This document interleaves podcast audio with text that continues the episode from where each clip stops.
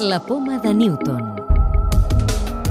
En Purificació Barceló i Miquel Jarque. En el programa d'aquesta setmana ens traslladem a l'espai. Gaia, Sonda espacial d'alta tecnologia de l'Agència Espacial Europea. data aproximada de llançament. Novembre del 2013. Objectiu, Elaborar un mapa i un cens de la Via Làctia.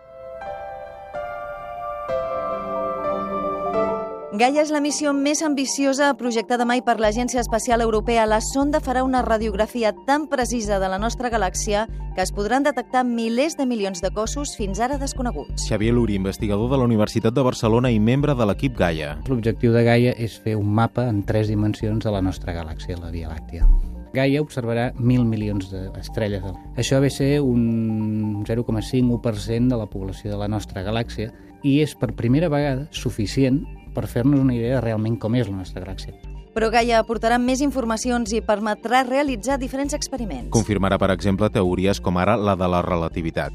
Per me- mesurar bé, calcular bé les posicions de les estrelles, et cal un model relativista de com la, com la gravetat fa curvar la trajectòria de la Lluna. El model que et cal és tan, tan refinat que aplicar-lo et serveix per verificar la relativitat general a un nivell molt precís. Durant cinc anys, la sonda enviarà informació sobre exoplanetes, quàsars, forats negres i estrelles de tot tipus. Tot això amb una tecnologia puntera de màxima precisió. Amb la precisió de mesura de posicions de Gaia, l'angle que mesura és com mesurar la pupila d'un astronauta a la Lluna. I també Gaia mesura moviments de les estrelles. En aquest cas, la precisió és com si poguessis mesurar el creixement de les ungles d'un astronauta sobre la Lluna. La contribució espanyola en el projecte és d'un 11% i en destaca l'aportació d'un equip de la Universitat de Barcelona. La seva missió, el tractament de dades, és a dir, fer possible que el material que enviï Gaia es converteixi en informació científica de primer nivell.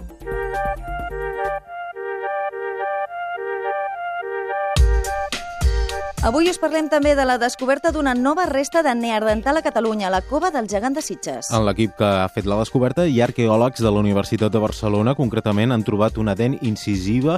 Aquesta és una de les poques restes del Neandertal que s'ha trobat a Catalunya. Un equip internacional d'astrònoms amb participació catalana aconsegueix mesurar la desacceleració de l'univers fins fa 11.000 milions d'anys. Això suposa saber com es va moure l'univers tan sols 3.000 milions d'anys després del Big Bang.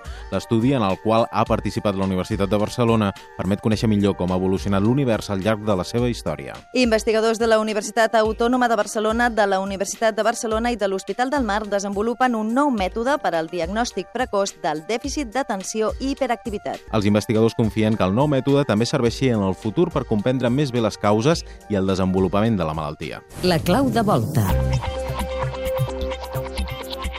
Es poden preveure els terratrèmols? Xavier Goula, cap de sismologia de l'Institut Geològic de Catalunya.